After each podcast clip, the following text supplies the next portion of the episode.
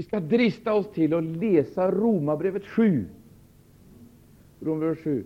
Utan att vi för den skull ska eh, ägna hela tiden åt just det kapitlet. Då ska vi läsa några versar ur Romarbrevet 7, där eh, det förekommer några uttryck som eh, ger oss besked om eh, den situation som människan befinner sig i. Också, observera, också efter det att människan har blivit frälst, sålunda, också efter det att hon har kommit till tro på Jesus Kristus. Svårigheter och problem som kommer efter omvändelsen. Och när man liksom hamnar i det, så får man under stund av känslan av att just de svårigheterna och just de problemen är nästan större än det man har varit med om tidigare. Men vi, vi, vi läser i de första verserna i Romarbrevet 7. Där heter det Eller veten i icke, mina bröder, jag talar ju till sådana som känner lagen, att lagen, observera, råder över. Just det här uttrycket råder över. Det ska vi ta med oss ikväll. Råder över. Lagen råder över. Vad kan det innebära att lagen råder över en människa för så lång tid som hon lever? Så är ju en gift kvinna genom lag bunden vid sin man så länge denne lever, men om mannen dör, då är hon löst från den lag som band henne vid mannen. Alltså om hon giver sig åt en annan man medan hennes man lever, så kallas hon äktenskapsbryterska. Men om mannen dör, då är hon fri ifrån lagen, så att hon icke är äktenskapsbryterska om hon giver sig åt en annan man. Så haven och i, mina bröder, genom Kristi kropp blivit dödade från lagen för att tillhöra en annan, nämligen honom som har uppstått från de döda på det att vi må bära frukt åt Gud. Ty medan vi ännu voro i ett kötsligt väsende, voro de syndiga lustar som uppväcktes genom lagen verksamma i våra lemmar till att bära frukt åt döden. Här har vi en väldigt vansklig situation tecknad för oss. Det heter i den, åt, i den femte versen om de syndiga lustar som uppväcktes genom lagen. De syndiga lustar som uppväcktes genom lagen.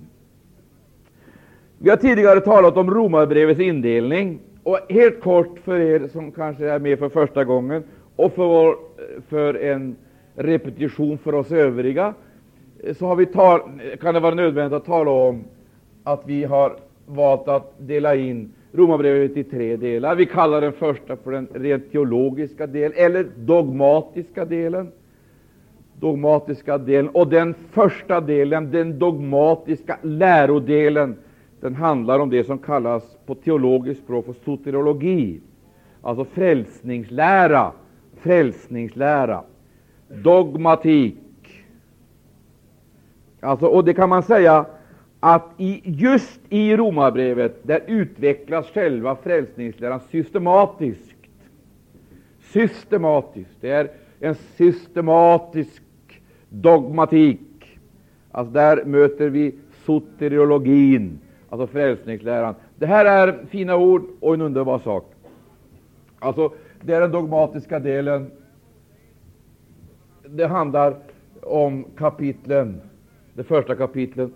Sen, eh, då vi lämnar den dogmatiska delen som handlar om frälsningsfrågorna, frälsningssanningarna, så kommer det jag skulle vilja kalla för den eskatologiska.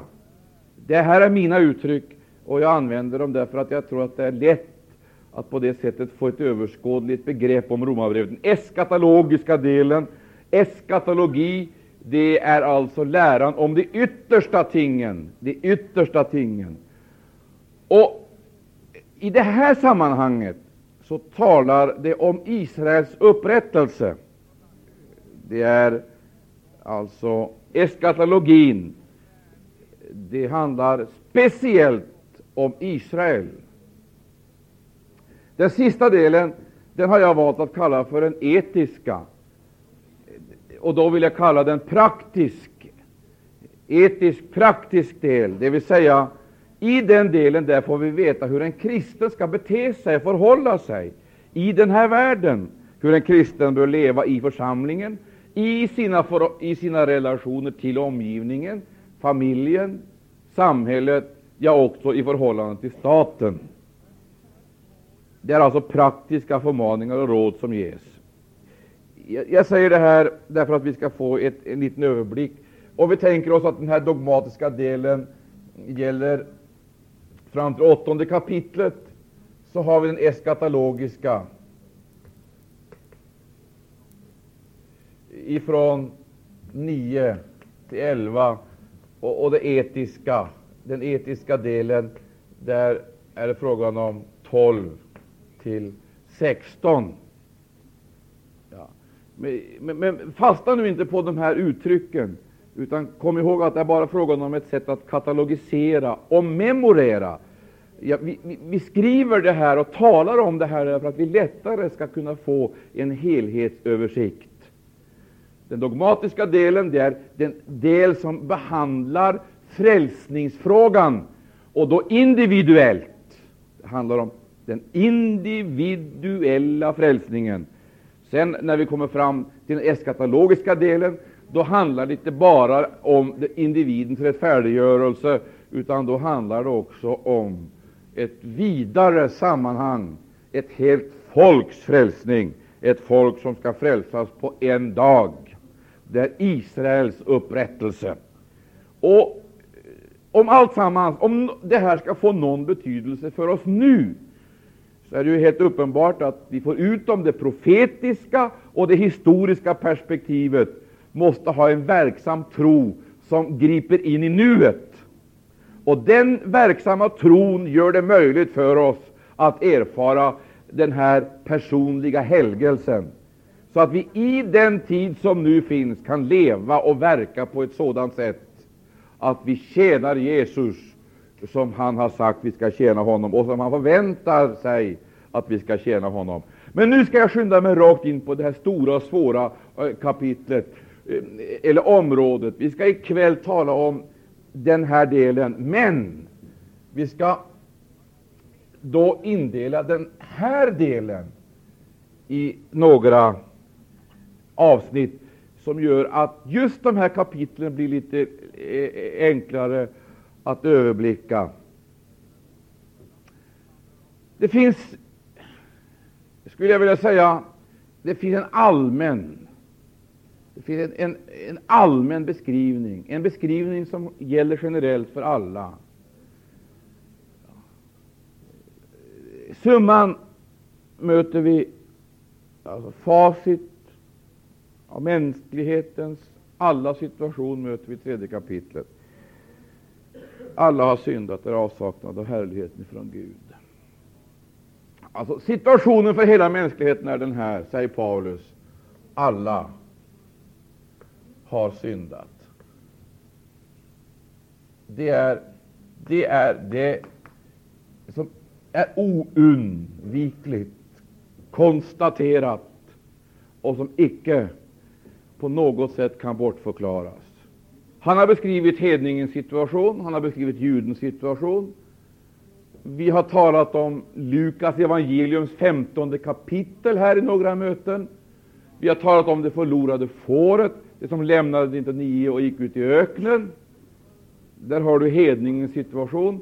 Så har, vi betalat, så har vi talat om den förlorade penningen, det vill säga värdet som var förlorat i huset. Det fanns ett förlorat värde i hemmet, den förlorade penningen. Det talar om den hemmavarande sonens situation. Han var hemma och ändå förlorad. Han var ett förlorat värde. Och han måste på samma sätt som eh, vi ser att sonen i främlingsland måste gå tillbaka till sin fader, så måste också sonen, den hemmavarande sonen, bli föremålet för den uppsökande kärleken. Huset måste upplysas, kvasten måste fram, det måste fejas och pyntas för att det förlorade värdet skulle hittas. Där har vi kort och sammanfattningsvis situationen beskriven. Den förlorade sonen, det är hedningens situation. Hemmavarande sonen, det är judens situation. Båda är förlorade, det vill säga de är förlorade för Fadern.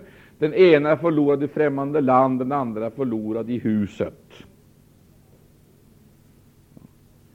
Och de är förlorade på grund av synd, bortkomna på grund av synd och överträdelser.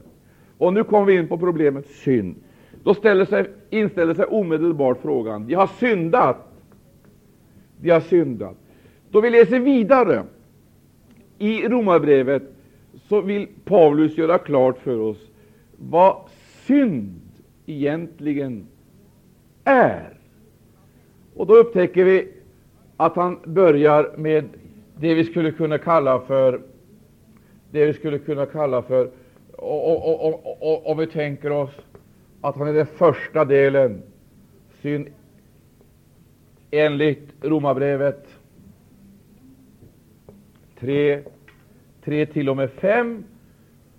Synd enligt Romarbrevet 3 till och med 5. Där upptäcker vi att han talar om synd såsom gärning eller missgärningar. Observera vad jag säger, gärning eller missgärningar. Och därför så användes synden i pluralig form. Vi, skulle kunna, vi, vi skriver här, här handlar det om missgärning eller missgärningar. Missgärningar. Det är frågan om verksynd eller handlingssynd. Det man har gjort, alltså. Jag vill stryka under det du har gjort. Och här är det inte frågan om kollektiv synd, eller, eh, utan individuell synd, som blir individuell skuld. För synd leder alltid till skuld. Det handlar om missgärningar. Mina vänner, vi ska göra klart för oss att det är den första upptäckten människan gör. Den första upptäckten som människan gör innan hon söker Gud, det är att hon är en syndare. Hon är en syndare. Den första upptäckten. Men det är trots allt en ytlig upptäckt i det stadiet.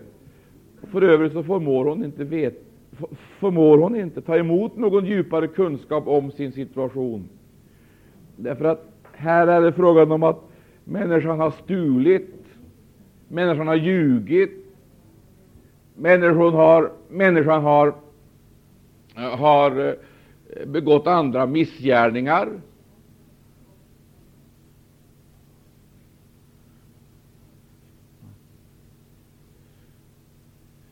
Frågan är den, finns någon som inte har gjort något av detta?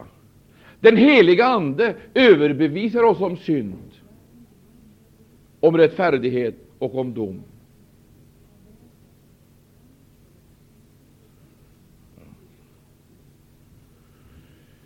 Då jag var nio år gammal så gjorde jag en ohygglig erfarenhet av Andens uppenbarelse. Ja, det var en ohygglig upplevelse.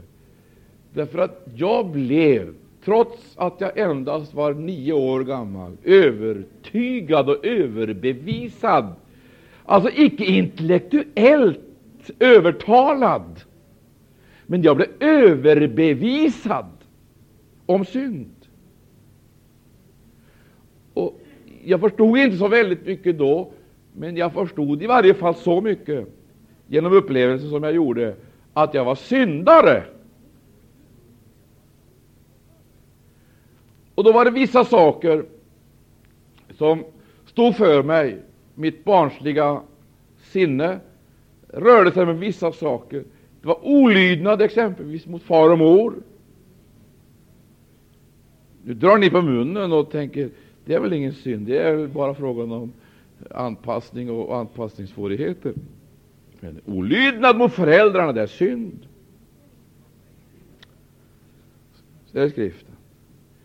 Och sådana här små detaljer kunde det handla om eh, när eh, mor och far hade sagt att vi skulle göra vissa saker som vi avstod ifrån att göra. Det vill säga, vi var olydiga. Vi skulle gå till butiken, handla, och ville inte göra det. Eller vi skulle göra andra tjänster som vi avstod ifrån att göra. Det blev synd.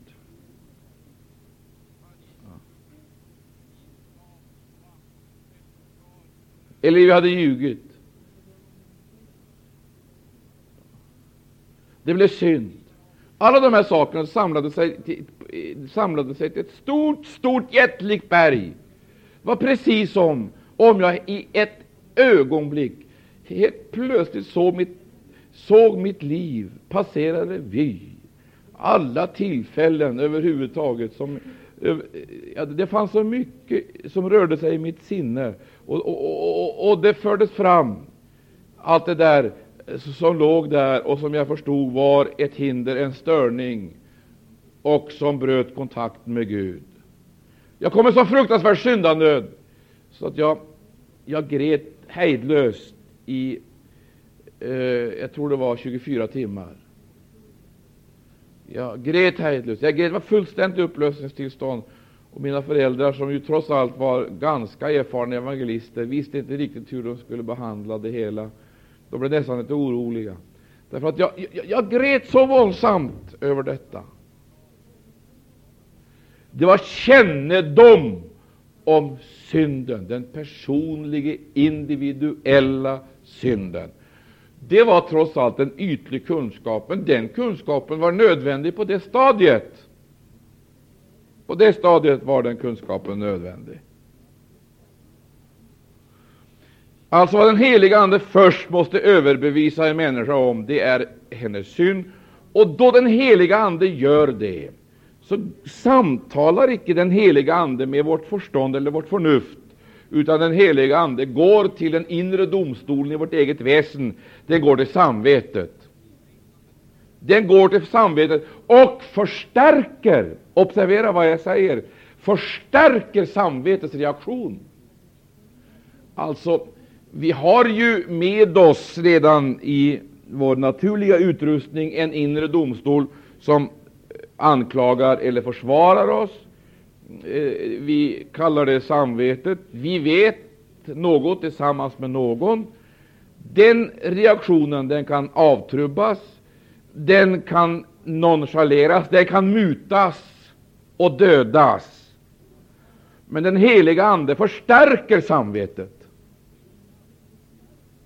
förstärker det, så att det blir synd, verklig synd, otäck synd, det minsta, nästan eh, löjliga ting som andra människor betraktar som löjliga, det blir synd. Samvetet dömer det. Har man blivit övertygad om synden, då måste man få hjälp med det, annars så blir ju det en olidlig börda att bära. Och det är den överbevisade syndaren som kallas till korset. Platsen vid korset är till uteslutande för överbevisade syndare. Och där vid korset, där blir syndaren föremålet där blir syndaren föremålet för Guds underbara kärlek. Gud, Gud utrustar oss med ett betalningsmedel så vi kan betala vår skuld. Det vill säga samvetets krav. Det är enorma krav som det förstärkta, av Guds ande förstärkta samvetet ställer, kan tillgodoses. Och när samvetets krav har blivit tillgodosedda, då har vi fått frid. Men nu är frågan den, vad är det för betalningsmedel? Vad är det för försoningsmedel som Gud har ställt fram, som kan ge det överbevisade samvetet om frid? Ge det överbevisa samvetet om frid och ge samvetet frid. Ja, vi förstår ju det att det är Jesu blod, inte sant? Vi läser i Romarbrevet en gång till. Vi läser i Romarbrevet eh, i det femte kapitlet. Där heter det i den nionde versen i den nionde versen. Någon läser den i Jesu namn. 9 och 10 kan vi läsa. Romarbrevet 9 och 10. Varsågod.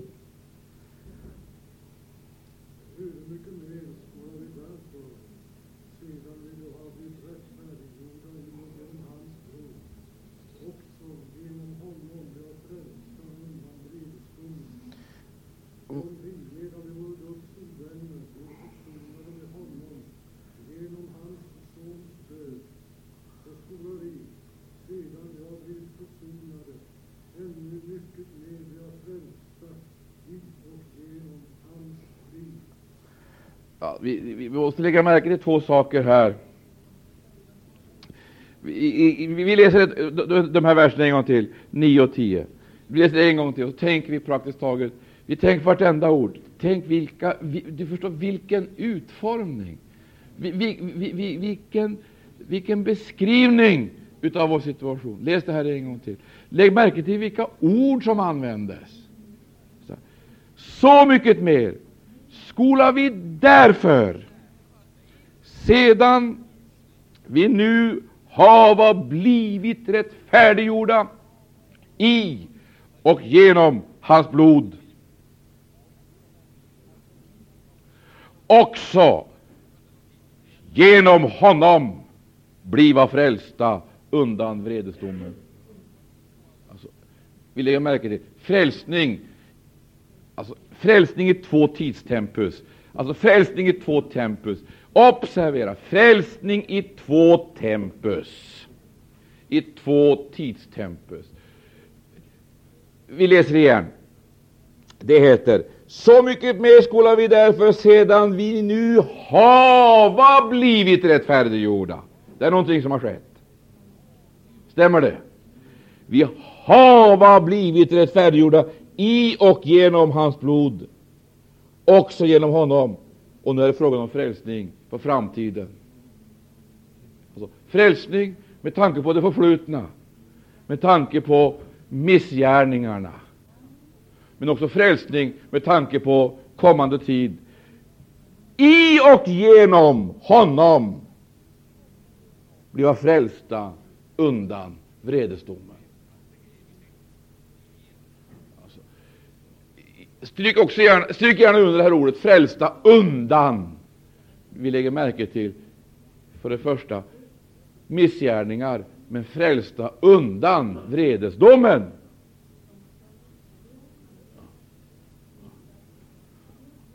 Det vill säga, dessa missgärningar kvalificerar oss för vredesdom. Din missgärning är tillräcklig för att du ska gå förlorad. Den är tillräcklig. Det behövs ingenting mer än det du redan har gjort för att du har kvalificerat dig för förlusten av det eviga livet. Det säger Skriften. Men, heter det, i och genom Jesu blod så har vi blivit befriade ifrån dessa gärningars fortsatta inflytande. Hör du det? Så Genom Jesu blod, och genom Jesu blod är vi befriade från missgärningarna. Och så heter det genom honom, genom honom så ska vi också bli befriade ifrån, frälsta undan vredesdomen. Vi ska läsa nästa vers också, så ska vi tänka på just den där uppdelningen i den två olika tidsstämpeln som användes. Det heter, ty om vi, medan vi vore Guds ovänner, blev försonade med honom genom hans sons död, så skola vi, sedan vi har blivit försonade, ännu mycket mer bliva frälsta i och genom hans liv. Alltså, det är oerhört viktigt att vi har klart för oss att det är frälsning i förfluten tid, frälsning i närvarande tid och frälsning i framtiden. Halleluja. Och vi ska se varför detta är så nödvändigt. Det är för att vi lägger märke till synnerhet Romarbrevet 3 och 5 handlar om missgärningar och det är frågan om skuld. Den här, den här synden har lett oss till skuld, missgärningar, skuld.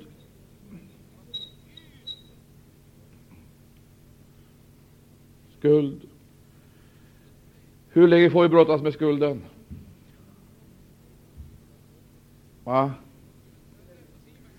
Hur länge får vi brottas med skulden? Skulden kommer att plåga oss till, ända till dess att vi är medvetna om att den har blivit betald. Och därför ska jag lägga märke till den heliga Andes uppgift. Den heliga Andes uppgift, jag vill stryka under det, för det är inte predikantens uppgift. Men den heliga Andes uppgift är trefaldig.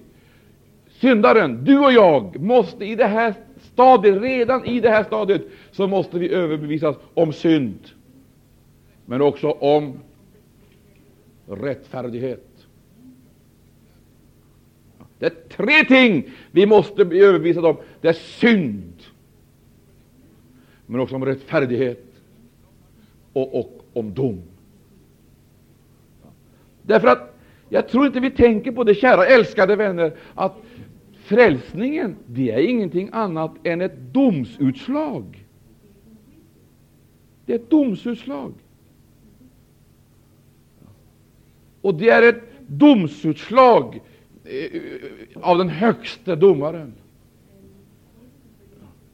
Det är ett domsutslag.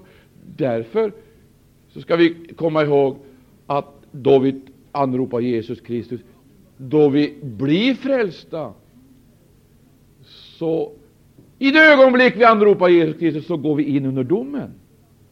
Och vi möter domaren. Men det är domaren som utfärdar frigivningsbeviset.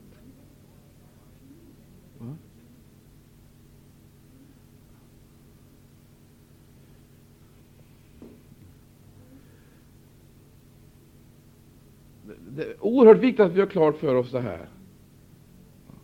Och Det kan ske genom Jesu Kristi blod. Men vi ska läsa vidare i Romarbrevet vi måste bli överbevisade om synd, om rättfärdighet och om dom. Och så får vi veta vad egentligen vad som är synd, eller ännu hellre syndens moder. Syndens moder. Vad är synd för någonting? Va? Om vi läser i Johannes evangelium 16 kapitel, i en liten parentes, vi läser i Johannes evangelium 16 kapitel. Där heter det ifrån den åttonde versen i Johannes evangelium 16 och 8. Där heter det När han kommer skall han låta världen få veta sanningen i fråga om synd och rättfärdighet och om dom.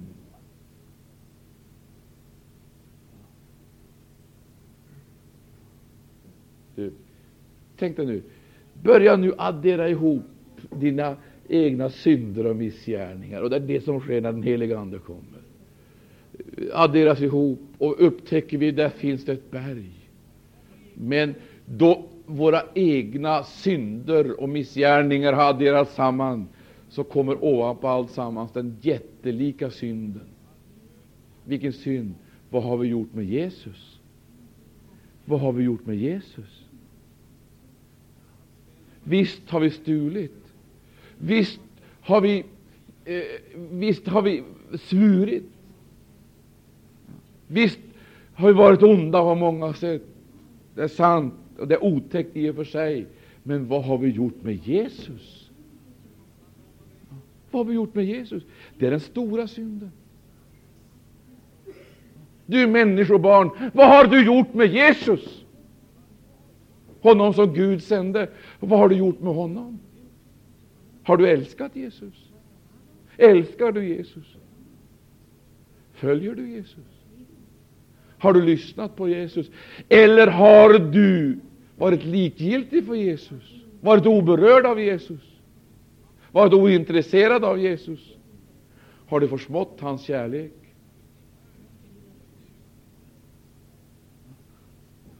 Frågan är, den, vad har du gjort med Jesus? Människa, vad har du gjort med Jesus?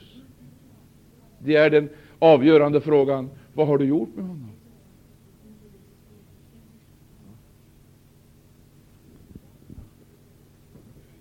Vad har du gjort med Jesus? Det är det som är den avgörande frågan. Ja, men vad ska jag göra? Vad ska jag göra med Jesus? Det finns bara två saker att göra. Det är att ta emot honom eller försmå honom och förkasta honom. Det finns bara två ting vi har att göra. Det är att ta emot honom. Ta emot honom. Kan jag ta emot Jesus? Kan jag försmå Jesus?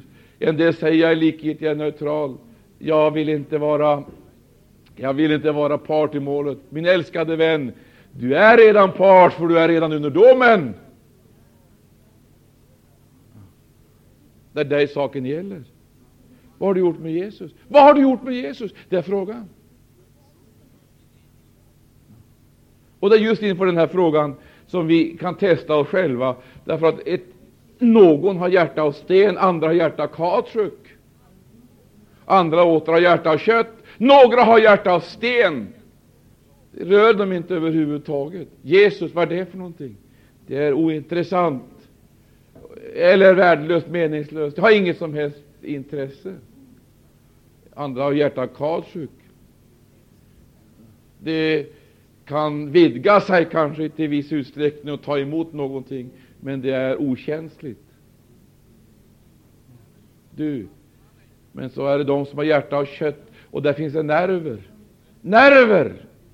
Man lider och gråter, man är bedrövad. Ja, man har kommit in i det Bibeln kallar för det hälsosamma tillståndet, som Bibeln kallar för bedrövelse. Bedrövelse efter Guds sinne. Man har fått nöd, man har fått vånda.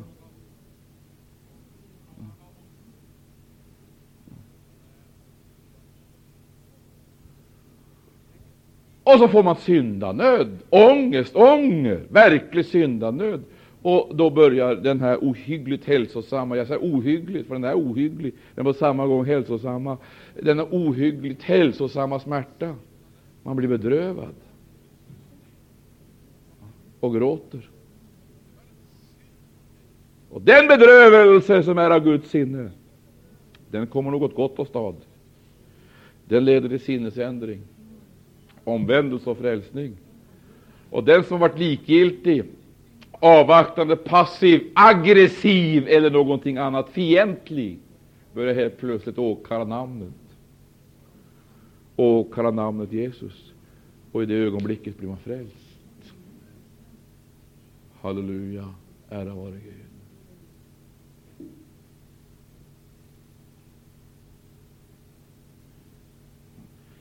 Vi vi ska läsa där en gång till i, Johannes evangelium 16, för Jesus undervisar här just om pedagogen, psykologen, om jag får använda uttrycket, pedagogen, psykologen, den heliga Andes förnämsta uppgift. Det är att överbevisa oss om synd, rättfärdighet, om dom. Och då ska du få höra, det heter i fråga om synd, ty du tro icke på mig.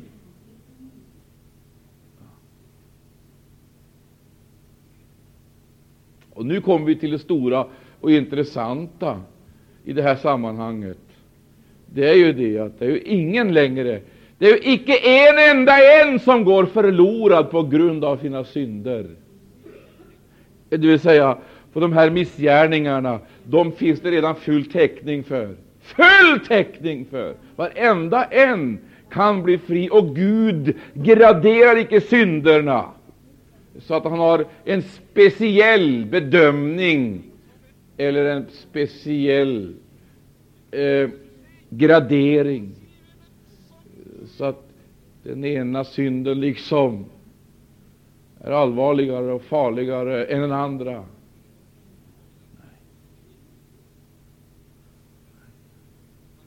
Så i Guds rike existerar inte begreppen som vi använder oss av, stora syndare eller små syndare. Bibeln konstaterar sakligt att alla har syndat och är i avsaknad av härlighet från Gud, och det räcker. Sen om synderna fört oss i social misär, så vi har hamnat i svårigheter, sociala svårigheter, eller om synden har gett oss framgång, materiell framgång, som vi har skaffat oss sociala positioner genom den. Det hör inte dit. Synd är synd, och det finns bara ett frälsningsmedel, och det är Jesu Kristi blod. Men det finns ingenting av det vi gör som i och för sig kvalificerar oss för det Bibeln kallar för ett evigt straff. Och Det kan låta motsägelsefullt med tanke på vad jag sa i begynnelsen, därför att det finns ett blod som gäller hela mänskligheten. Halleluja, ära vare Gud och Lammet. Och Gud behöver inte ett år, eller fem år, eller tio år för att frälsa en syndare.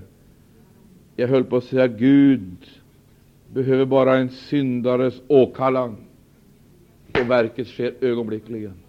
Oberoende av vad syndaren upplever eller känner, så sker det. Ty därigenom bevisar sig Gud vara rättfärdig. Men nu vill jag säga att det som är syndens moder och orsaken till allt det andra det onda som vi möter, det är otron. I fråga om synd, ty du tro icke på mig.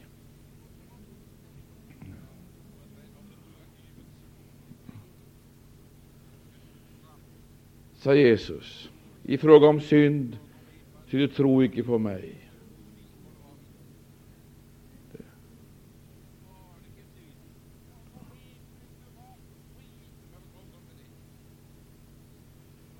i fråga om synd, ty du tror icke på mig.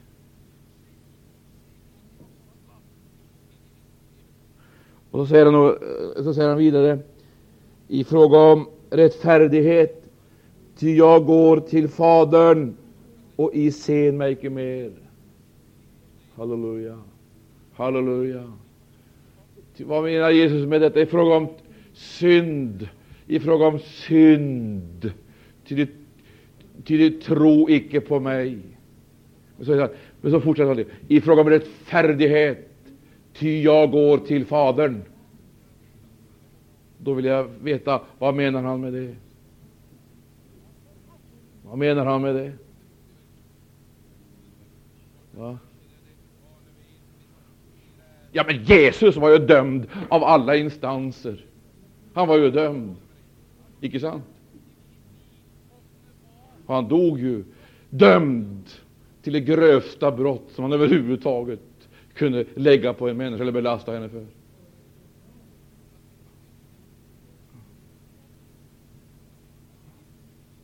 Det lades ju på honom.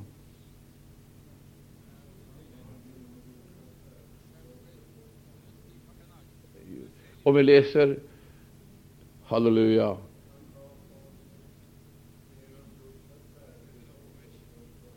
Ja, just det. Om vi, läser, vi ska läsa första Timoteus brev. Vi ska skynda oss till första Timoteus brev. Ska vi läsa. Vad är det som sker? Vad är det som sker med Jesus? Första Timoti brevs tredje kapitel. Den urkristna församlingens tonsatta trosbekännelse. Jag tror att det var den här trosbekännelsen de sjöng i sina sammankomster. De hade nog en sån trosbekännelse och de sjöng det här i sina sammankomster. Det heter i eh, Första Timoteusbrevets tredje kapitel, 16 vers, där heter det Erkänn stor är gudaktighetens hemlighet. Han som blev uppenbarad i köttet, rättfärdigad i anden sedd av änglar, predikad bland hedningarna, trodd i världen, upptagen i härligheten.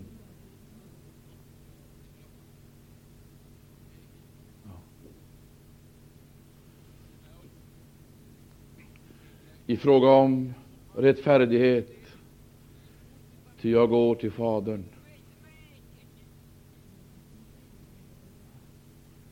Och här har du här har du den stora hemligheten. Det är inte nog med att vi blir rättfärdiggjorda. Det är inte nog med att vi får syndernas förlåtelse. Utan rättfärdiggörelsen innebär någonting mera. Vi håller kvar Johannes evangeliums 16 kapitlet. Vi håller kvar det bibelstället, men går till, men går till Romarbrevet igen.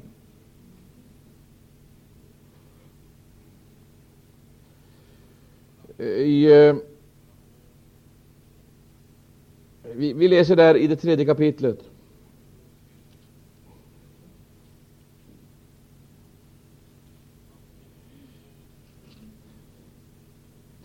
Vi läser eh, i, eh,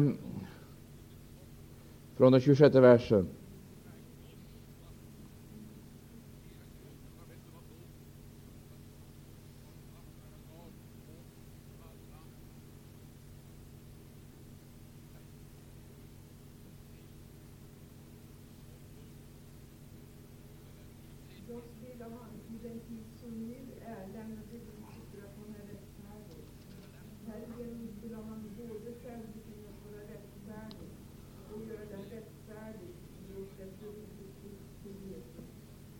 Nästa vers också. Ja, kära Gud.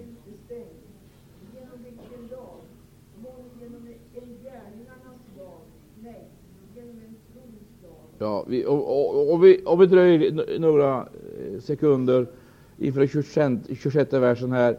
Så, så ville han i den tid, observera, så ville han i den tid som nu är lämna vad då för någonting? Beviset för att han är rättfärdig. Här står det talas om ett bevis och en bevisföring som Gud gör. Gud lämnar ett bevis. För det första att han är rättfärdig, men inte nog med det, att han också gör den rättfärdig som tror på Jesus. Då vill jag fråga, vad är det för ett bevis som han ger?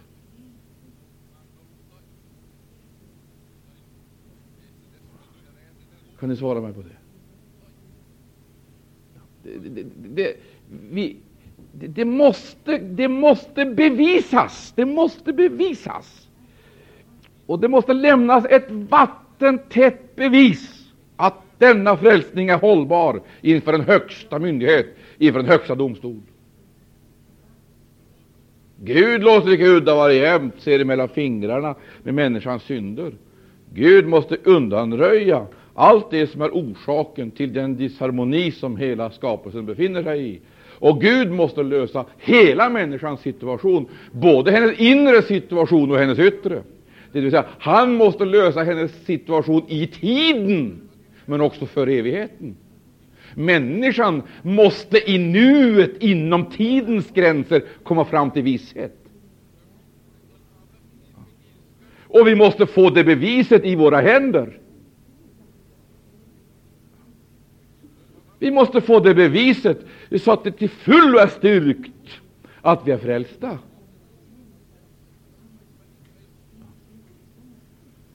Och hur är det beviset? Ja, genom försoningsverket. I sin död så betalar han vår skuld. Är det så? Men när en skuld är betald så måste man ha kvitto på det. Icke sant? Är skulden betald så måste jag få ett kvitto på att den är erlagd. Och nu är frågan, det stora problemet i, den här, i det här sammanhanget för oss, vem är det som uppträder här som gäldenär? Och vem är motparten?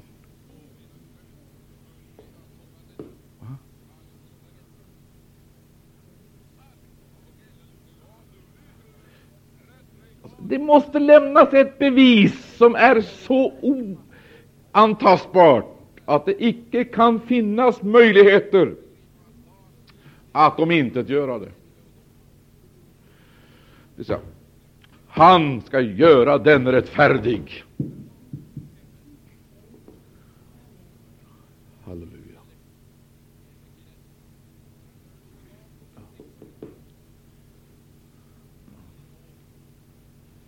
Jag vill fråga er, vad är beviset? Det bästa, det bästa, va? Ja, den heliga Ande, ja, för all men ja, det är naturligtvis riktigt, för det är naturligtvis Anden som gör detta möjligt för oss. Men det, vad är beviset på att Gud existerar, att Gud kan frälsa? Vad är beviset? Han ville lämna bevis på. Vi läser här en gång till, för jag tycker att det är oerhört viktigt att vi får fram det, att vår frälsning inte vilar på någonting osäkert. Du, och så vill jag säga så här, försök lyssna till vad jag nu säger.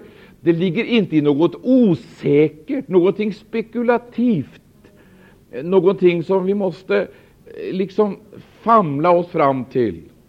Utan det, det, det, det är någonting visst, fast, hundraprocentigt.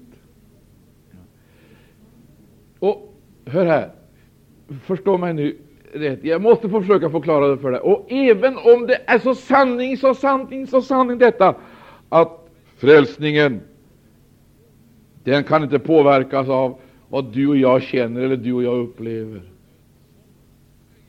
Frälsningen, halleluja, är objektivt sett någonting som Gud har gjort. Ja, ja, ja. Ja, ja, jag kommer dit. Det är riktigt. Du, hör här. Frälsningen är ju naturligtvis ingenting som på något sätt kan påverkas av vad vi känner eller icke känner. Om du känner dig glad, känner dig lycklig, känner dig misslyckad eller känner dig frimodig, det kan du inte vila på någonting sådant.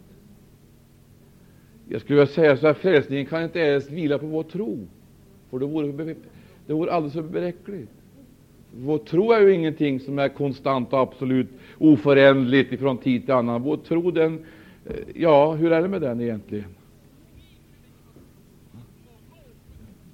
Det är ju helt uppenbart att det, har, att det finns en objektiv sanning, en sanning som är opåverkbar och som icke på något sätt påverkas om vi är på höjderna eller i dalen, men som lika verkligt gäller varje människa oberoende av hur hon känner det.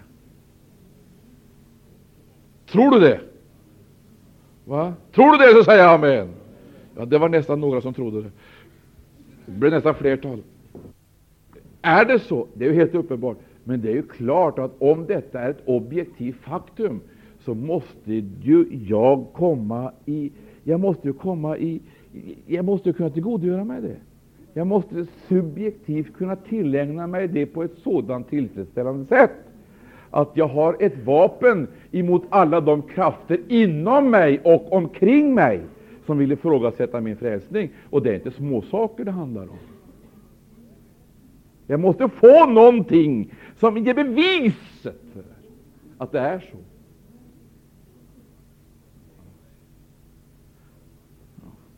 Det måste jag få. Vad är det för någonting nu då? Va?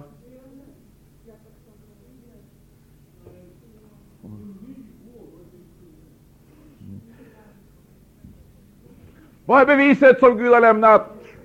Ge mig besked. Va? I sin död så betalar han skulden.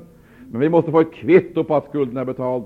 I sin uppståndelse så ger han oss kvittot hans uppståndelse. Där får du kvittot. Och det är detta som är så oerhört.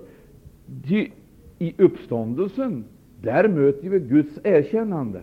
Guds erkännande heter rättfärdigad i Anden.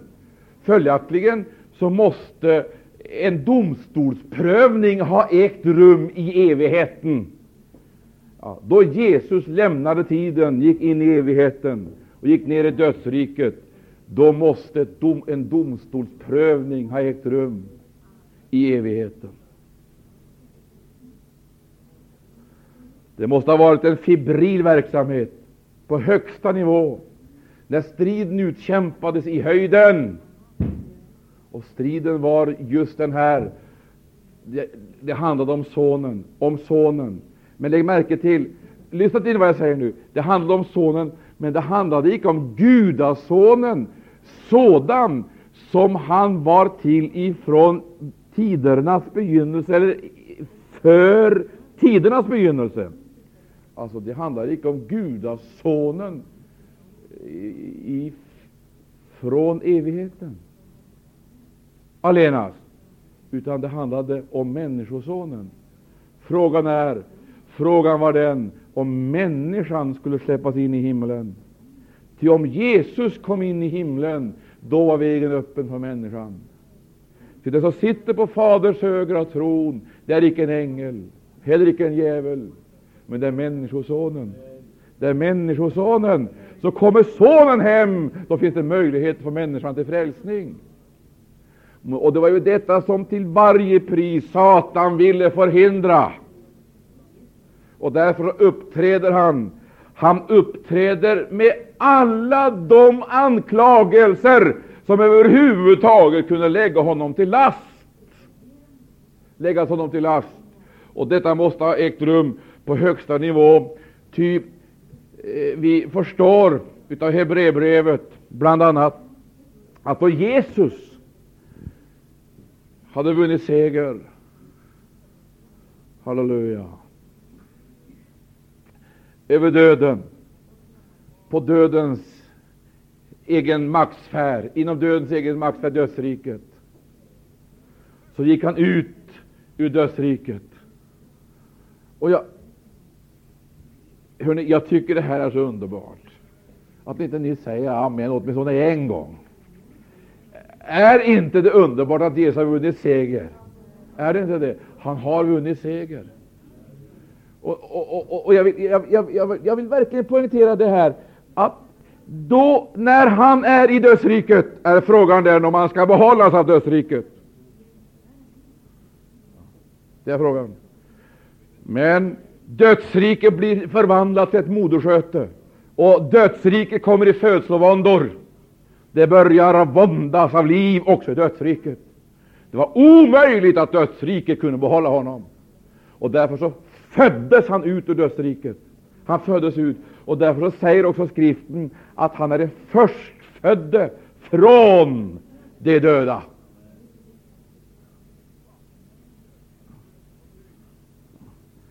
Det är fantastiskt. Så går han ut ur dödsriket, och då har uppenbarligen en stor domstolsprövning ägt rum i höjden, där åklagaren har gjort sina, eh, gjort sina eh, anklagelser gällande mot sonen.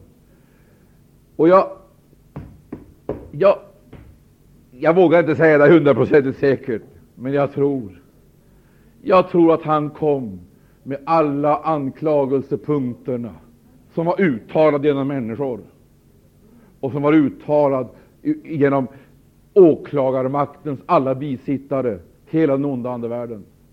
Jag tror att han kom med alltsammans detta inför Fadern. Och det, det, det, var, det var ju helt uppenbart att det räckte ju icke med att Jesus blev så att säga, bevisad vara fri ifrån moralisk, moraliska defekter eller synder eller någon orenhet. Det räckte inte. Utan det var också frågan om vad som ägde rum i dödsriket. Om han skulle bli, om han skulle bli rikes befriare, dödsrikes befriare, så att det som fanns där och väntade och som fanns där och väntade skulle kunna ledas ut ur dödsriket, befriade ifrån dödens makt och herravälde. För att det skulle kunna äga rum, då måste Jesus bli rättfärdigad. Det vill säga, alla åklagarens anklagelser måste bakavisas, både vad beträffar hans jordiska liv hans försoningsgärning. Gud måste godkänna honom som, jag höll på att säga, offerlammet. Och då måste hans blod, ja, det måste bevisas vara rent, fritt från all besmittelse och förorening. Åh, halleluja! Halleluja, då Jesus går ut ur dödsriket så går han hem till himlen med sitt eget blod. Sitt eget blod. Och så heter det i skriften, så renas jämväl de himmelska tingen med blodet. Då går han in i himlen. Och då Jesus kommer, det vill säga då människan kommer in. Och det är där vi har Johannes evangelium 17 kapitel, som vi finner så intressant, då han beder att Fadern skall förhärliga honom. Honom. Vilken då? Vilken ska förhärligas? Du, icke en enda gång under hela sitt jordeliv träder Jesus fram och säger Jag är Jesus. Jag är Messias. Icke en gång. Han tar icke konkur upp konkurrensen med några andra Messias pretendenter eller andra. Icke en enda gång. Så säger han att jag är, Jesi, jag, är Jesi, Jesus eller Messias. Icke en.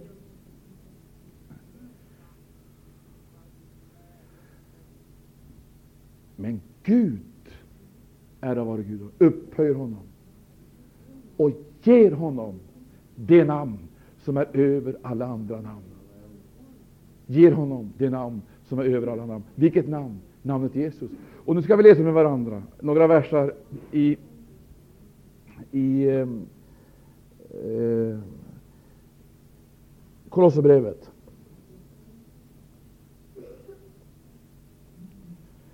Verkningen av Jesu Kristi försoning.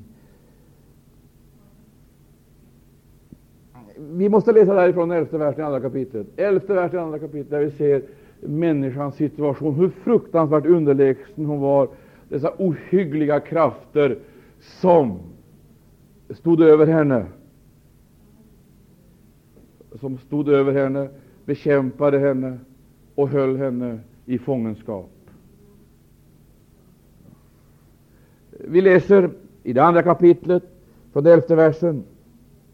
Där heter det så här. I honom haven i blivit delaktiga av den fullheten. Jag tycker vartenda ord här, det liksom öppnar det är nycklar som öppnar nya områden och nya perspektiv. I honom haven och i blivit omskurna genom en omskärelse som icke skedde med händer, en som bestod däri att de blev en avklädda i det kösliga kropp. Jag menar omskärelsen i Kristus. Och jag vill betona igen, i honom har ni blivit. I honom har ni blivit. Och varför jag betonar det så starkt, det är därför att när vi sedan ska gå till Romarbrevet 7, så måste vi ha klart för oss att också Romarbrevet 7, det öppnar en ny sida utav försoningen för oss. Som icke täcker bara det här området som avser syndens, som avser synden som missgärning och som skuld, utan leder oss in i försoningens rikedom och i detta konungsliga välde liv, där vi också befrias ifrån syndens makt. Syndens makt. Men vi, vi, vi fortsätter. Alltsammans har vi i Jesus. I Jesus. I Jesus. Det är det som är så viktigt att poängtera. Det heter från tolfte versen. I haven ju med honom blivit begravna i dopet. I haven och i dopet blivit uppväckta med honom genom tron på Guds kraft, han som uppväckte honom från de döda. Och Egentligen så borde vi stryka under vartenda ord här, för här talas det om någonting som har ägt rum. Har Jesus Kristus uppstått från de döda, så säg amen. Har Jesus Kristus uppstått från de döda, så säg amen. Sitter Jesus på Faderns högra sida i härligheten, så säg amen. Ja, men hur ska jag veta detta? Jag, jag kan skaffa mig intellektuell kunskap om de här tingen genom att läsa Bibeln, och jag kan försöka att stapla logiska bevis ovanpå varandra och på det viset försöka få en tro. Nej, säger skriften. Det är inte på det sättet man får tro. Ty Jesus uppväcktes från de döda. Men det stannar icke med det. Den som tror på Jesus Kristus bliver på samma sätt uppväckt från de döda. Vet du att vi, säger skriften, har genom den här situationen försatt oss i den belägenheten. Ja, vi är i den situationen att vi genom våra synder och överträdelser var, vad då för någonting? Hemfallna åt vredesdomen. Och så långt hade syndens verkningar gått att vi var döda i synder och överträdelser. Döda, döda i synder och överträdelser. Vi brukar säga att världen går under, eller världen lider, eller världen blöder. Sanningen är att världen är död i synder och överträdelser. Och vi befann oss i samma situation. Och det fanns ingen annan frälsning för oss än att vi blev uppväckta från denna död. Hur blir vi då uppväckta ifrån denna död? Genom en, ny på, genom en pånyttfödelse. Hör du, nu säger skriften Gud måste bevisa att Jesus är rättfärdig. Det måste han bevisa inför åklagaren, inför dess bisittare, inför hela åklagarämbetet. Men Gud måste också ge mitt samvete, min inre domstol, ett bevis. Så att jag inte bara har eh, en naturlig, intellektuell förklaring, utan jag måste få ett bevis. Och där säger skriften, och det är det som är det fantastiska. Beviset är ju detta att jag själv har gjort uppståndelsens erfarenhet. Tror du det? Tror du det, så säg amen. Det är beviset. Så har jag fått ett bevis i mig. Han har lämnat beviset genom vad då? Att han har fött oss på nytt. Han har fött oss på nytt. Och vi är uppståndna från de döda, uppväckta med honom.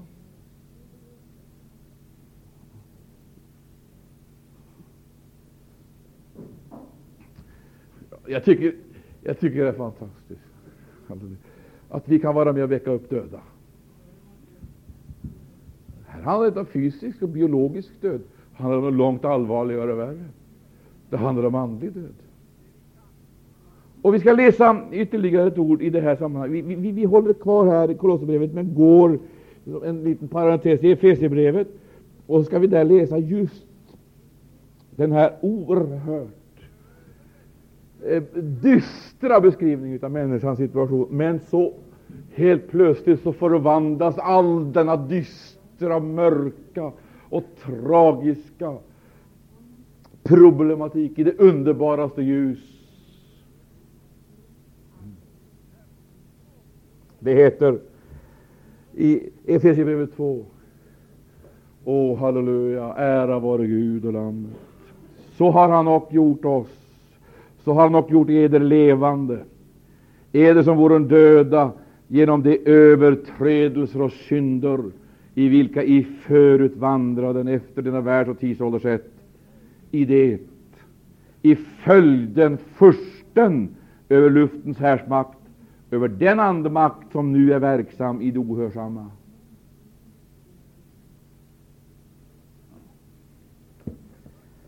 Ja, jag ska säga dig, här finns det inte stort utrymme för några personliga, eh, några personliga ställningstaganden. Det gör det verkligen inte. Får lägga märke till vad som står här. Det heter i vilka i förut vandraden efter denna världs och tidsålders sätt i det i följden fursten över luftens härsmakt, över den andemakt som nu är verksam i det ohörsamma. du broder och syster, ska jag klart för dig att varenda människa befinner sig i ett järngrepp. Ett järngrepp. Det är ett yttre järngrepp, men också ett inre tvång. Ett inre tvång. Och det är inte ett kärlekens tvång, utan det är, ett, det, det är fruktans tvång. Varenda människa är jagad och stressad av makter som de icke kan tygla eller tämja. De bär det i sitt eget väsen, i sitt eget sinne.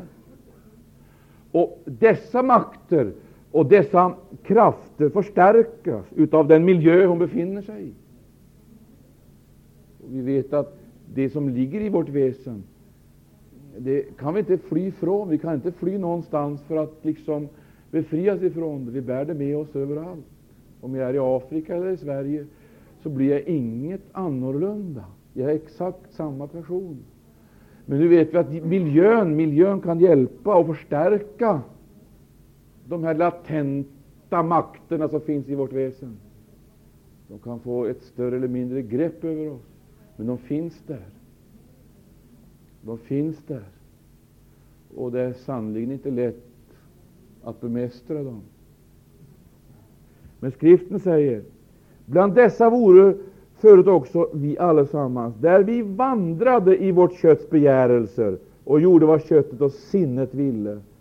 Och vi vore, och vi vore genom vår natur hemfallna åt vredesdomen. Vi, lika som de andra. Men Gud, som är rik på barmhärtighet, har för den stora kärleks skull, varmed han älskat oss, så kommer det gjort oss levande med Kristus. Oss som vore döda genom våra synder, av nåd är ni frälsta. Ja, han har uppväckt oss med honom och satt oss med honom i den himmelska världen i Kristus Jesus. För att i de kommande tidsåldrarna bevisa sin nåds översvinnliga rikedom genom godhet mot oss i Kristus Jesus. Halleluja. Det heter där, ty han har uppväckt oss. Så när vi talar om att vi skall förvandlas, så ska vi inte därav drar den slutsatsen att uppståndelsen till arten är något annorlunda än det vi redan har varit med om. Det är det inte. Därför att vi har blivit döpta till hans död, men vi är också döpta till hans uppståndelse. Vi är uppståndna, och skriften säger också att vi med honom är införsatta. Vi är införsatta med honom i den himmelska världen. Vi är placerade där på Faderns högra sida i Jesus Kristus. Då är frågan den, vad är det då som sker i det skriften kallar för den första uppståndelsen? Uppståndelsen från de döda. Vad är det då som sker?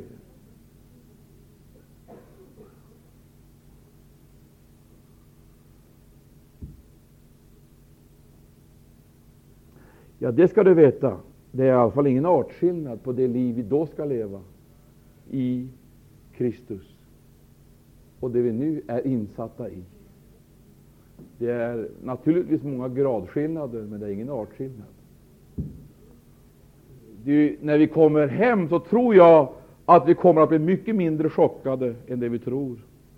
Jag tror inte att det blir någon kulturchock, förstå mig rätt när jag använder uttrycket. Utan jag tror fast mer att i det ögonblick förvandlingen äger rum, då kommer vi hem. Och då kommer vi redan att känna igen den, framför allt den himmelska atmosfären. Den kommer vi att känna igen. För den hade vi liksom en liten aning av här nere. Men icke bara atmosfären, utan också tingen kommer vi att känna igen. Därför att även om vi icke har varit i beröring med dem någon gång, så har vi upplevt dem i vår ande. Och vi kommer att förmodligen säga så här, jag förstår inte. Det verkar som jag skulle ha varit här i evighet. Kan inte begripa, det känns som jag skulle ha varit här i evighet. Det upplevs ungefär som jag skulle ha varit här i evighet, aldrig varit någon annanstans. För jag tror icke att vi i himlen kommer att sätta oss ner och resonera om besvikelserna som vi varit med om på jorden. Jag tror inte ens att vi kommer att minnas Brosalen så särskilt mycket, utan jag tror vad vi kommer att tala om, vad vi kommer att tala om, det är de ting som hör himlen till. Och det ska visa sig där, när vi kommer dit hem, så kommer vi att förvånas över att de samtalsämnen som överlevde tiden, så att säga, och förgängligheten, det var det som gällde Guds verk. Ty samtalsämnet, det kommer att röra sig om vad vi äger i Jesus Kristus. Det tror jag. Det kommer, det kommer att ta tid, och, och, och tid det är lätt att tala om tid i sådana här sammanhang. Men du förstår, när vi har haft den första, den första eonen, den första eonen avslutad, då ska vi ha känt, men gode Gud, det är, ju detta, det är ju detta vi har förnummit, det är ju detta vi har anat, det är detta vi har känt. Vi hade det som ett oförlöst, ett oförlöst foster, som ett embryo i vårt eget väsen. Och så kom förlossningsögonblicket då vi förlöstes. Så gick vi in i en fullkomlig härlighet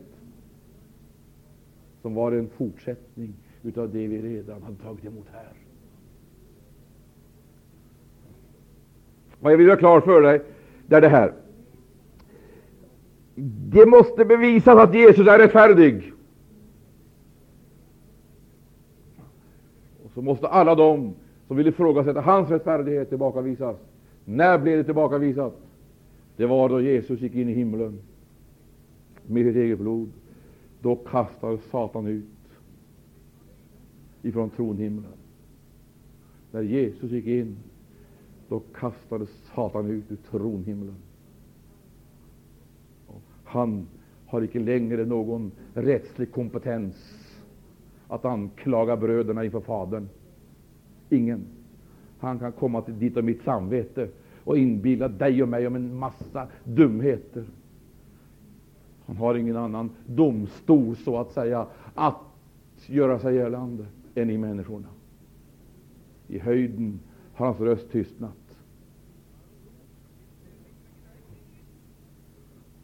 Men också samvetet som han vill anklaga genom sina fruktansvärda resurser och instrument har fått ett medel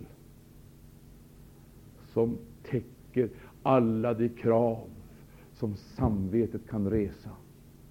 Och vad är det för medel? Det är blodet. Och det vill jag säga, kan en syndare överbevisad av synd få frid med sitt eget samvete, då har Gud bevisat sig vara rättfärdig. Och då har vi beviset också för att vi är rättfärdiga.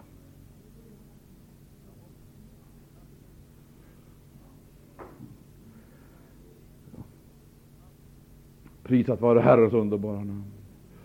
Och då vet vi, har vi, blivit, har vi genom Jesu blod blivit frälsta ifrån våra missgärningar, ifrån skuldens fruktansvärda verklighet, då vet vi också att vi ska frälsas undan vredesdomen. Det vill säga, vi är ostraffliga, som skriften säger, i Kristus, oåtkomliga för all bestraffning. Jag begriper inte att ni kan sitta och tiga här nu. Alltså. Jag fattar inte det.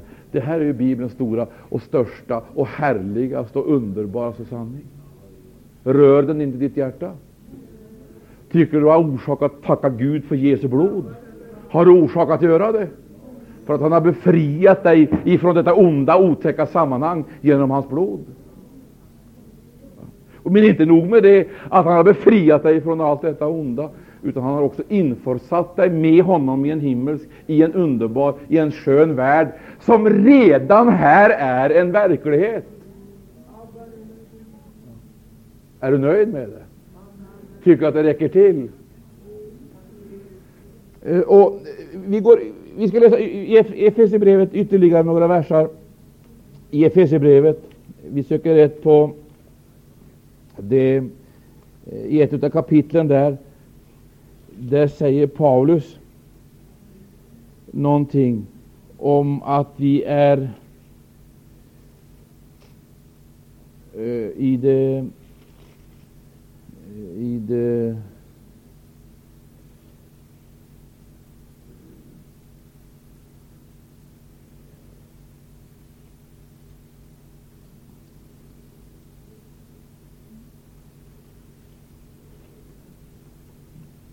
I det tredje kapitlet. I det tredje kapitlet.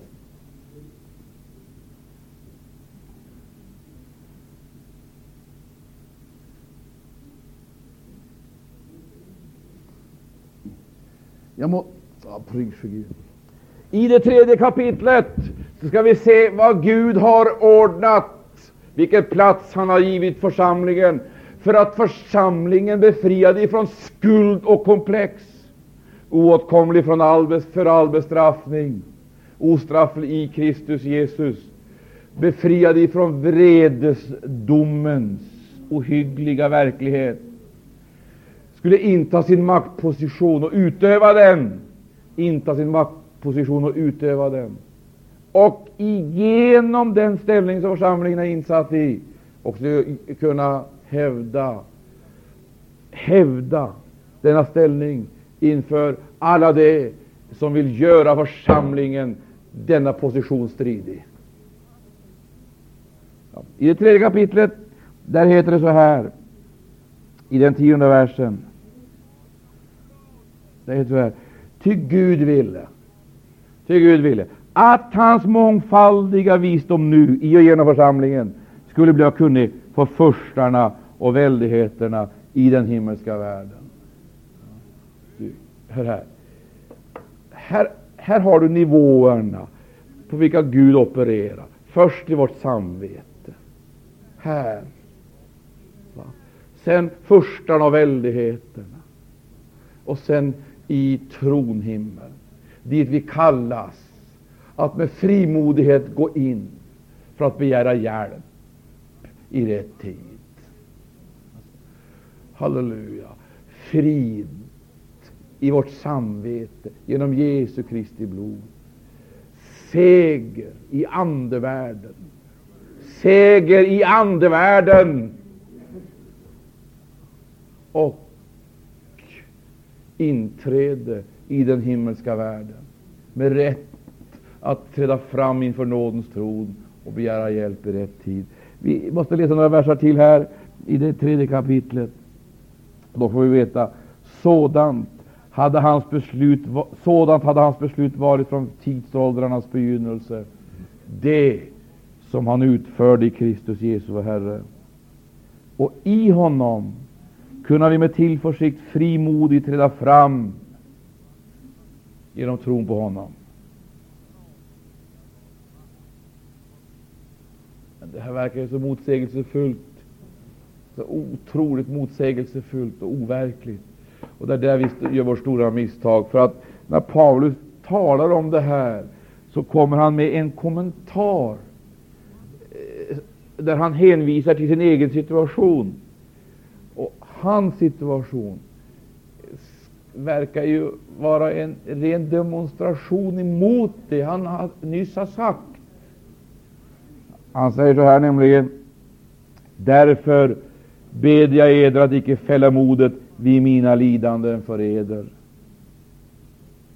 Det ländar ju eder till ära. Har Kristus lidit? Har Kristus uppstått? Har Kristi namn blivit kungjort i himlen? Har Jesus farit upp till himlen? Har Jesus tagit fångar? Har han farit upp? Har han blivit sedd av änglar i den himmelska världen? Har han trätt fram inför Faderns tron i höjden? Har han gjort det? Men nog är det väl då märkligt att en svag människa ska behöva lida, och därtill en apostel. Var ska då en apostel behöva lida?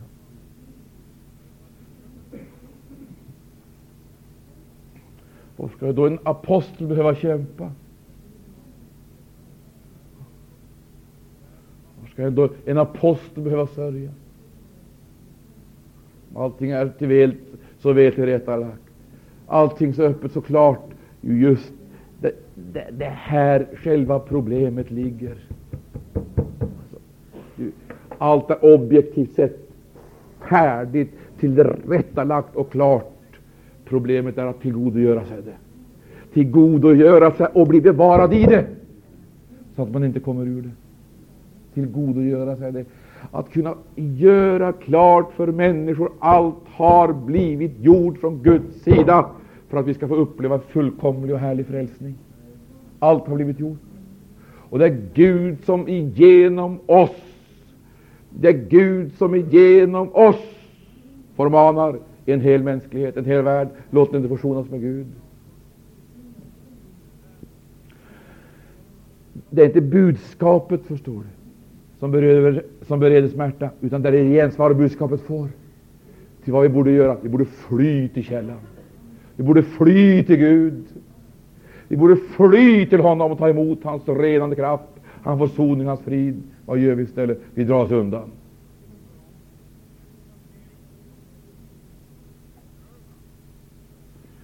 Avslutningsvis så vill jag peka på hur verkligt det här är.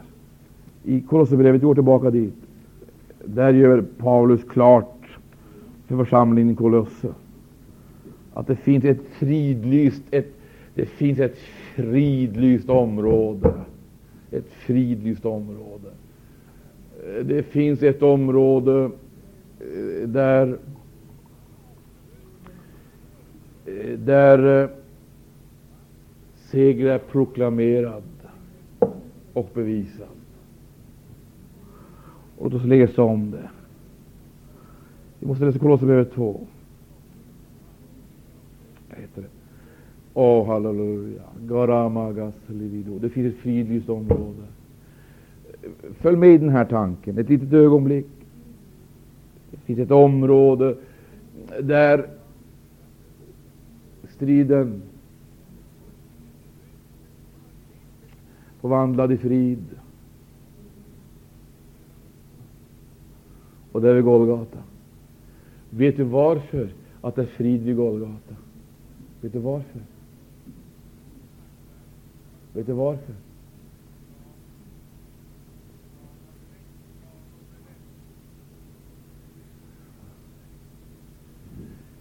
Vid Golgata har döden gjort sitt inträde och gjort slut på alla strider.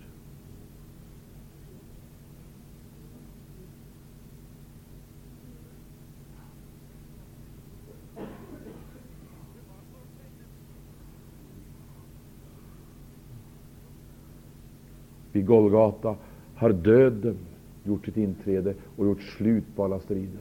Därför så sägs det också här, vi ska läsa det. Vi läser i den tolfte versen i det andra kapitlet. I honom, i haven ju med honom blivit begravna i dopet. Vilka är det som begravas? Det är de döda. Eller hur?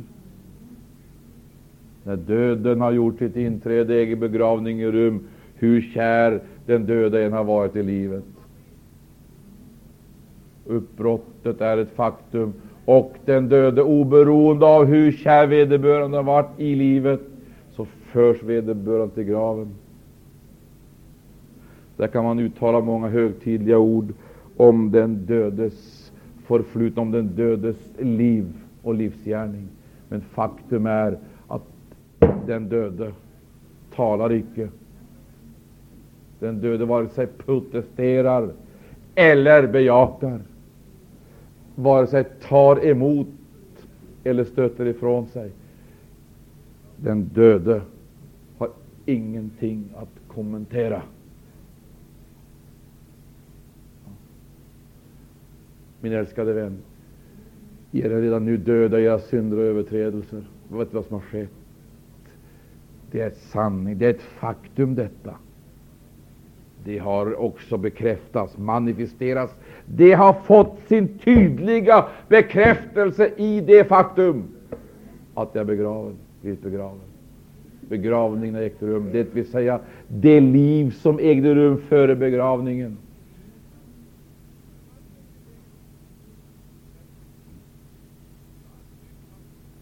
Det har gått på den döde i graven.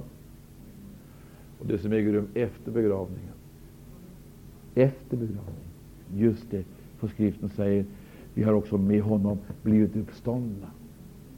Uppståndna med honom. Och det är det nya livet. Nya människan. Det nya livet. Den nya människan. Och därför ska jag säga till er, till oss avslutningen, så vill jag säga, vi läser igen. I haven och i dopet blivit uppväckt uppväckta med honom genom tron på Guds kraft. Han som uppväckte honom från de döda. Ja, också eder som vore döda genom edra synder och genom edert hjärtas omskurenhet. Också eder har han gjort levande med honom, ty han har förlåtit oss alla våra synder. Ty han har förlåtit oss alla våra synder. Han har nämligen utplånat den handskrift som genom sina stadgar anklagade oss och låg oss i vägen. Den har han skaffat undan genom att nagla den fast vid korset. Han har avväpnat andevärldens första väldigheter och låtit dem bliva till skam inför alla i det att han i honom har triumferat över dem. Halleluja, halleluja, halleluja.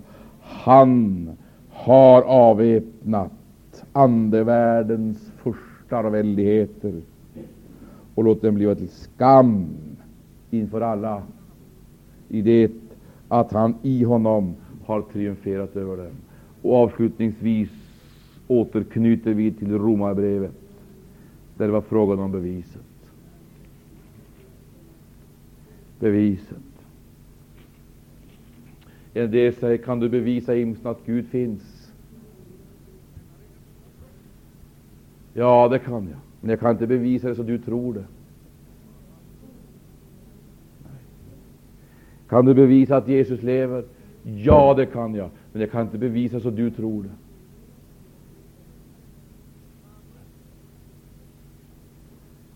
Och ändå har Gud lämnat beviset på att han är rättfärdig. Och han har gett mig ett fullgott bevis. Så att jag vet när hela åklagarmakten träder upp, då åklagarmaktens alla bisittare träder upp och vill nå mitt samvete, vill få mig fälld, så har jag bevis. Jag tar inte upp en massa moraliska, filosofiska, religiösa, etiska diskussioner med honom eller med makterna. Vet du varför? Redan har Jesus besegrat dem. Jesus har besegrat dem. Vet du vad jag kan göra? Jag kan åberopa den seger Jesus redan har vunnit.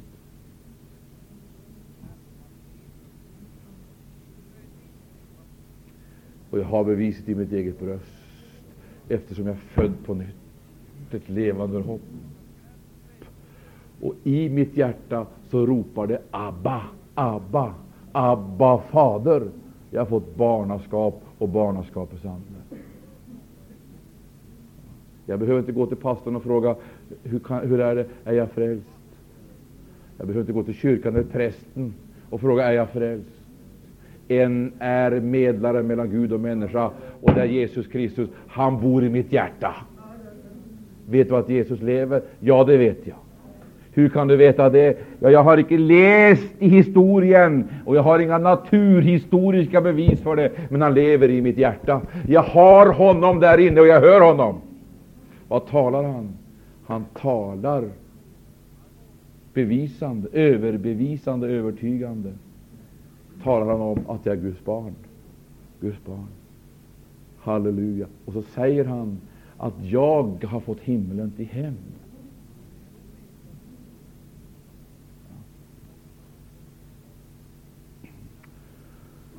Min älskade vän, vad du behöver, det är icke moraliska, etiska, intellektuella eller bevis. Du behöver ett möte med den uppståndne frälsaren. Och du behöver få hans ande in i ditt väsen. Halleluja, genom den upplevelsen av honom blir du frälst. Och den upplevelsen blir din i det ögonblick du åkallar hans namn.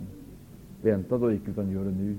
Vi tackar dig, kära Herre Jesus Kristus, för att försoningen är ett faktum. Förlåtelsen, kära Herre Jesus, är en verklighet. Tack att rättfärdiggörelsen är inget osäkert, vacklande. Och tack att du aldrig har lett oss in i vankelmod och tvivel. Halleluja. Tack att du har gett oss bevis därigenom att du själv har uppstått från de döda, så vet vi, Herre, att du är på Faderns högra sida i höjden och att du har uppstått ifrån de döda. Det bär oss vårt samvete vittnesbörd om, ty sedan vi åkallade ditt namn har vårt samvete fått frid. Frid genom ditt blod, kära Herre Jesus Kristus. Och vi tackar dig för att vi har fått uppleva en rening som täcker hela vårt behov och räcker till, kära Herre Jesus, för att få frälsning i alla detaljer och avseenden. Käre Gud, öppna våra sinnen, öppna våra ögon, halleluja, öppna vårt hjärta, kära Herre, så vi blir mottagliga för det du har att meddela oss. Kära Herre, du har kallat oss ut ur döden. Halleluja. Du har kallat oss ut ur träldomen. Du har kallat oss ut ur fruktan. Du har kallat oss ut ur förnedringen, kära Herre, och du har givit oss ett nytt mål. Kära Herre Jesus, en ny tro, en ny håg, ja, ett helt nytt liv. Vi tackar dig därför. Halleluja. Åh Herre, vi förnimmer denna delaktighet med dig. Åh, vi förnimmer, upplever den. Halleluja. Den är säkrare än någonting annat av det vi har mött i tillvaron. Herre, vi har läst olika ting. Vi har mött olika bevis. Och vi har gjort konstateranden då det gäller din skapelse då det gäller det synliga, Herre, i den materiella och fysiska världen. Åh, Herre, vi har lärt oss matematik, och vi har lärt oss alfabet. Vi har lärt oss att tala, och vi upplever att det finns någonting som är säkrare än matematiken, säkrare än alfabetet. Vi upplever att det är någonting som är säkrare än alla andra lagar naturlagar och andra lagar. Det är det att du har frälst oss. Av nåden ären i frälsta. Det står kvar som ett faktum, kära Herre Jesus, och allting annat har sagts. Så är vi frälsta genom dig. Halleluja. Tack och lov. Tack att vi har frälsning i nuet. Frälsning, Herre, ifrån det förflutna dess hämmande inflytande, gärningarna, tankarna, allt det vi har gjort. Och kära Herre Jesus, också vår olydnad och genstrevighet, och det gäller att ta emot dig. Vi prisar dig Jesus för att du har frälst oss. Halleluja, så vi kan ha frimodighet med tanke på det förflutna. Det finns ett blod som är verksamt, kära Herre Jesus Kristus. Halleluja, åh oh, halleluja. Tack att spänningsfältet är neutraliserat. Halleluja. Makten, käre Gud, som förföljde oss och stressade oss vidare på olydnadens vägar. Halleluja, förlorat sitt grepp. Har förlorat sin pockande eller lockande makt. Vi förnimmer, Herre, att du bor genom tron i vårt hjärta, och därför så har vi frid. Hjälp oss att vi inte skaffar oss någon egen hemmagjord frälsning, religiös hemslöjd. Käre Gud, bevara oss ifrån alla egna frälsningskonstruktioner som andra eller vi själva, kära Herre Jesus, vill åstadkomma. Vi vill gömma oss i dig, Jesus. Vi vill gömma oss i dig. Vi vill få bli i dig. Och vi vill motta, Herre Jesus, fortsatt befrielse genom ditt ord genom din Ande, genom din väldiga nåd. Halleluja. Tack att du har lämnat beviset. Och vi behöver inte tvivla på det du har gjort. Amen. Det är någon mer som tackar Jesus? Vem som helst.